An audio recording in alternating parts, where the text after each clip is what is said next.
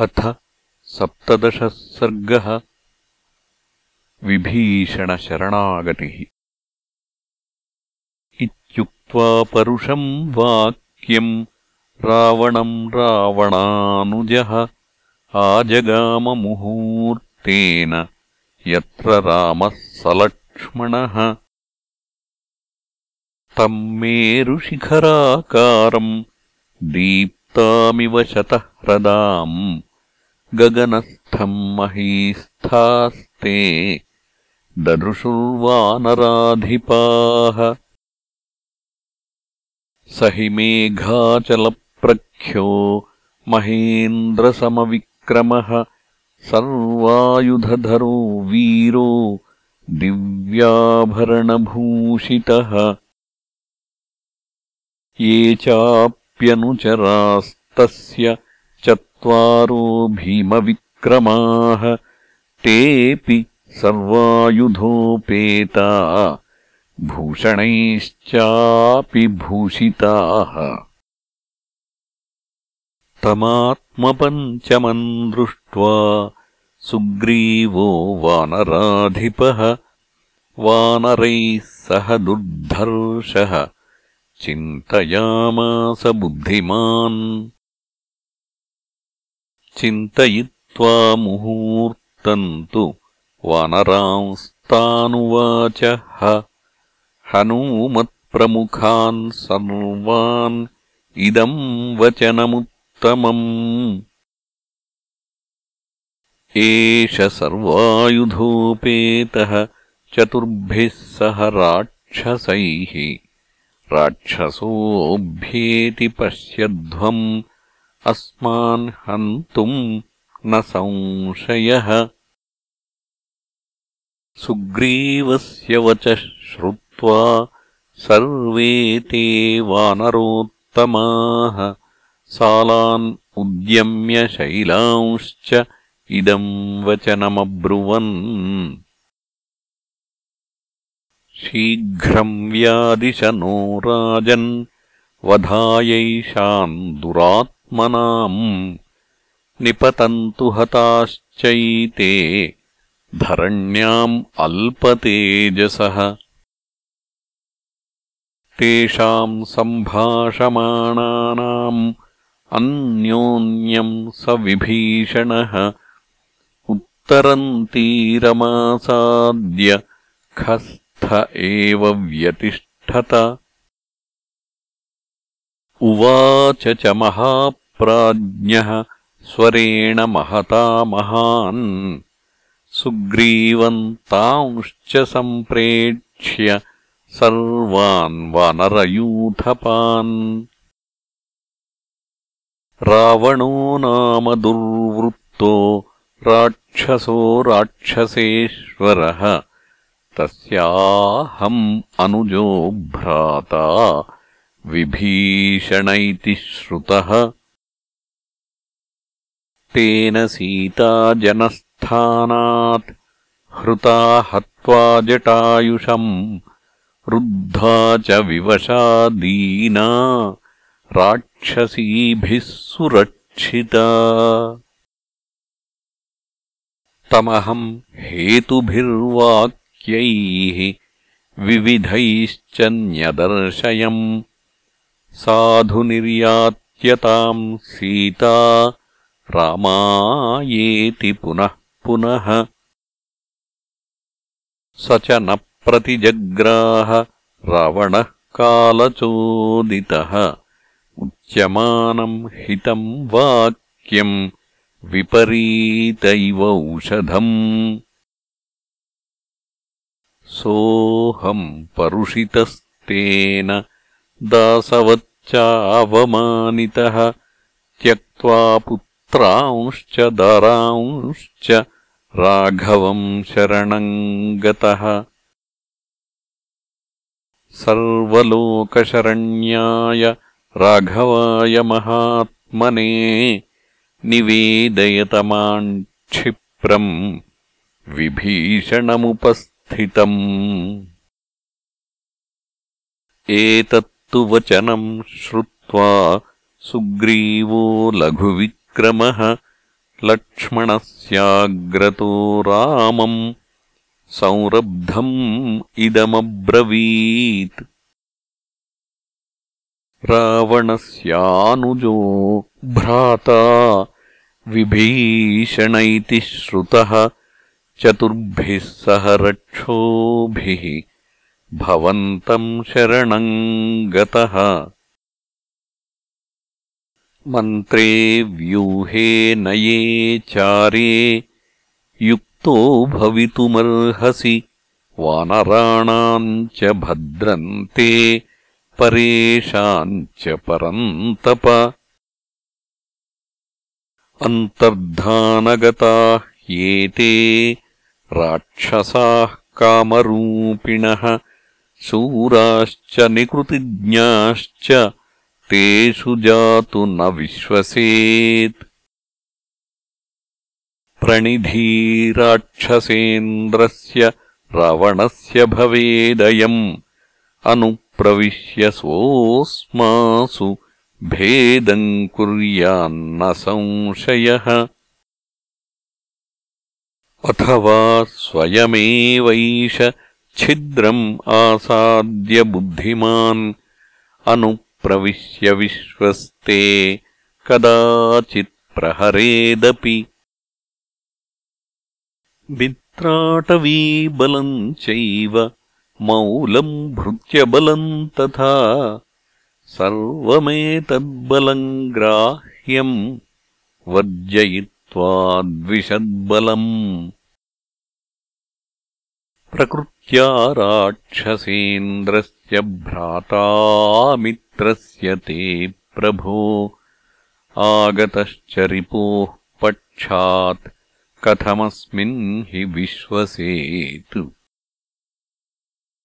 रावणेन प्रणिहितम् तम् अवेहि विभीषणम् तस्याहम् निग्रहम् मन्ये।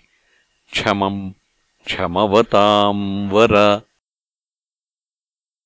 राक्षसो जिह्मया बुद्ध्या सन्दिष्टोऽयमुपागतः प्रहर्तुम् मायया छन्नो विश्वस्ते त्वयि राघव।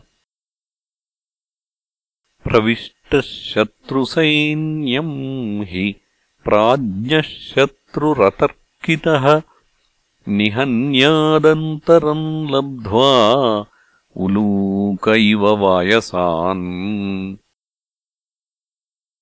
वध्यतामेष तीव्रेण दण्डेन सचिवैः सह रावणस्य नृशंसस्य भ्राता एष विभीषणः।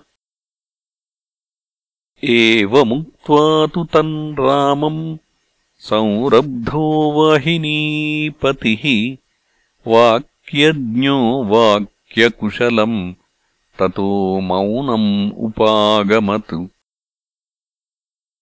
सुग्रीवस्य तु तद्वाक्यम् श्रुत्वा रामो महायशाः समीपस्थान् उवाचेदम् हनुमत्प्रमुखान् हरीन् यदुक्तम् कपिराजेन रावणावरजम् प्रति वाक्यम् हेतुमदर्थ्यम् च भवद्भिरपि तच्छ्रुतम् सुहृदा ह्यर्थकृच्छ्रेषु युक्तम् बुद्धिमता सता समर्थेनापि सन्देष्टुम् शाश्वतीम् भूतिमिच्छता इत्येवम् परिपृष्टास्ते स्वम् स्वम् मतमतन्द्रिताः। सोपचारम् तदा रामम् ऊचुर्हितचिकीर्षवः। अज्ञातम् नास्ति ते किञ्चित् त्रिषु लोकेषु राघव। आत्मानम् सूचयन् जानन् पृच्छस्यस्मान् सुहृत्तया। त्वम् हि सत्यव्रतः शूरो धार्मिको दृढविक्रमः परीक्ष्यकारी स्मृतिमान् निसृष्टात्मा सुहृत्सु च। तस्मादेकैकशस्तावत् ब्रुवन्तु सचिवास्तव हेतुतो मतिसम्पन्नाः समर्थाश्च पुनः पुनः। इत्युक्ते राघवायाथ मतिमानङ्गदोऽग्रतः विभीषणपरीक्षार्थम् उवाच वचनम् हरिः। शत्रोः सकाशात् सम्प्राप्तः सर्वथा शङ्क्य एव हि विश्वासयोग्यः सहसा न कर्तव्यो विभीषणः। छादयित्वात्मभावम् हि चरन्ति शठबुद्धयः प्रहरन्ति च रन्ध्रेषु सोऽनर्थः सुमहान् भवेत् अर्थानर्थौ विनिश्चित्य व्यवसायम् भजेतः। गुणतः सङ्ग्रहम् कुर्यात् दोषतस्तु विवर्जयेत्। यदि दोषो महांस्तस्मिन् त्यज्यताम् अविशङ्कितम्। गुणान् वापि बहून् ज्ञात्वा सङ्ग्रहः क्रियताम् नृप।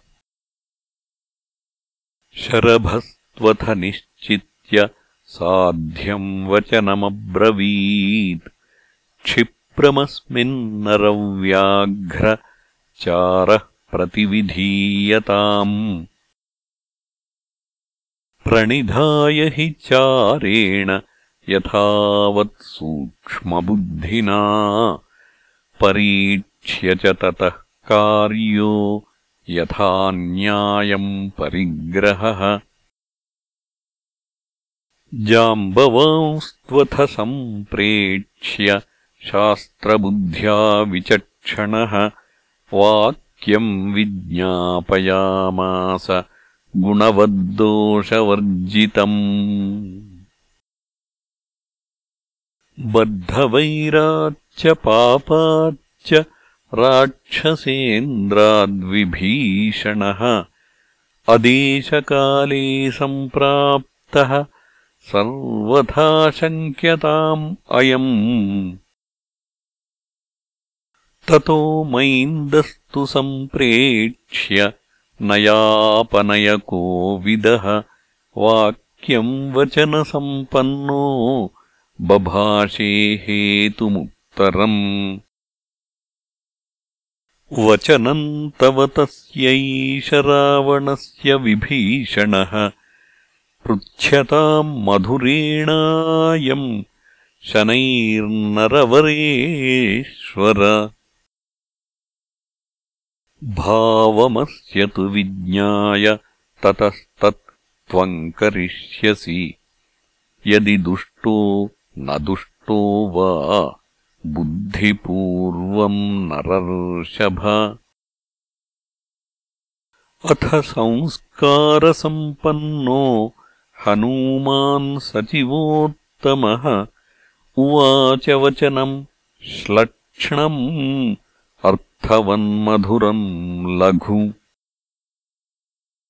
न भवन्तम् मतिश्रेष्ठम् समर्थम् वदताम् वरम् अतिशाययितुम् शक्तो बृहस्पतिरपि ब्रुवन्।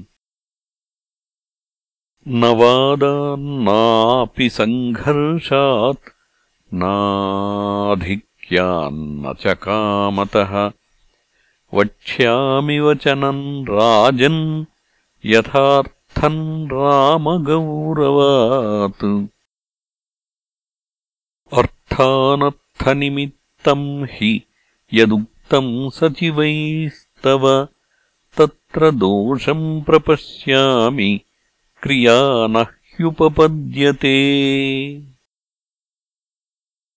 ऋते नियोगात् सामर्थ्यम् अवबोद्धुम् न शक्यते सहसा विनियोगो हि दोषवान् प्रतिभाति मा चारप्रणिहितम् युक्तम् यदुक्तम् सचिवैस्तव। अर्थस्यासम्भवात्तत्र कारणम् नोपपद्यते अदेशकाले सम्प्राप्त इत्ययम् यद्विभीषणः। विवक्षा तत्र मेऽस्तीयम् ताम् निबोध यथामति स एष देशः कालश्च भवतीति यथा तथा। पुरुषात् पुरुषम् प्राप्य तथा दोषगुणावपि। दौरात्म्यम् रावणे दृष्ट्वा विक्रमम् च तथा त्वयि। युक्तम् आगमनम् तस्य सदृशम् तस्य बुद्धितः। अज्ञातरूपैः पुरुषैः स राजन् पृच्छतामिति यदुक्तमत्र मे प्रेक्षा काचिदस्ति समीक्षिता। पृच्छ्यमानो विशङ्केत सहसा बुद्धिमान् वचः मित्रम् प्रदुष्येत मिथ्यापृष्टम् सुखागतम्। अशक्यः सहसा राजन् भावो वेत्तुम् परस्य वै अन्तः स्वभावैर्गीतैस्तैः नैपुण्यम् पश्यता भृशम्। न त्वस्य ब्रुवतो जातु लक्ष्यते दुष्टभावता। प्रसन्नम् वदनम् चापि तस्मान्मे नास्ति संशयः। अशङ्कितमतिः स्वस्थो न शठः परिसर्पति न चास्य दुष्टावाच्यापि तस्मान्नास्तीह संशयः। आकारश्चाद्यमानोऽपि न शक्यो विनिगूहितुम्। बलाद्धिविवृणोत्येव भावमन्तर्गतम् नृणाम्। देशकालोपपन्नम् च कार्यम् कार्यविदाम्बर स्वफलम् कुरुते क्षिप्रम् प्रयोगेणाभिसंहितम्। उद्योगम् तव सम्प्रेक्ष्य मिथ्यावृत्तम् च रावणम्। वालिनश्च वधम् श्रुत्वा सुग्रीवम् चाभिषेचितम् राज्यम् प्रार्थयमानश्च बुद्धिपूर्वमिहागतः। एतावत्तु पुरस्कृत्य युज्यते तत्र सङ्ग्रहः। यथाशक्तिमयोक्तम् तु राक्षसस्यार्जवम् प्रति। त्वम् प्रमाणम् तु शेषस्य श्रुत्वा बुद्धिमताम् वर। इत्यार्षे श्रीमद् रामायणे वाल्मीकीये आदिकाव्ये युद्धकाण्डे सप्तदशः सर्गः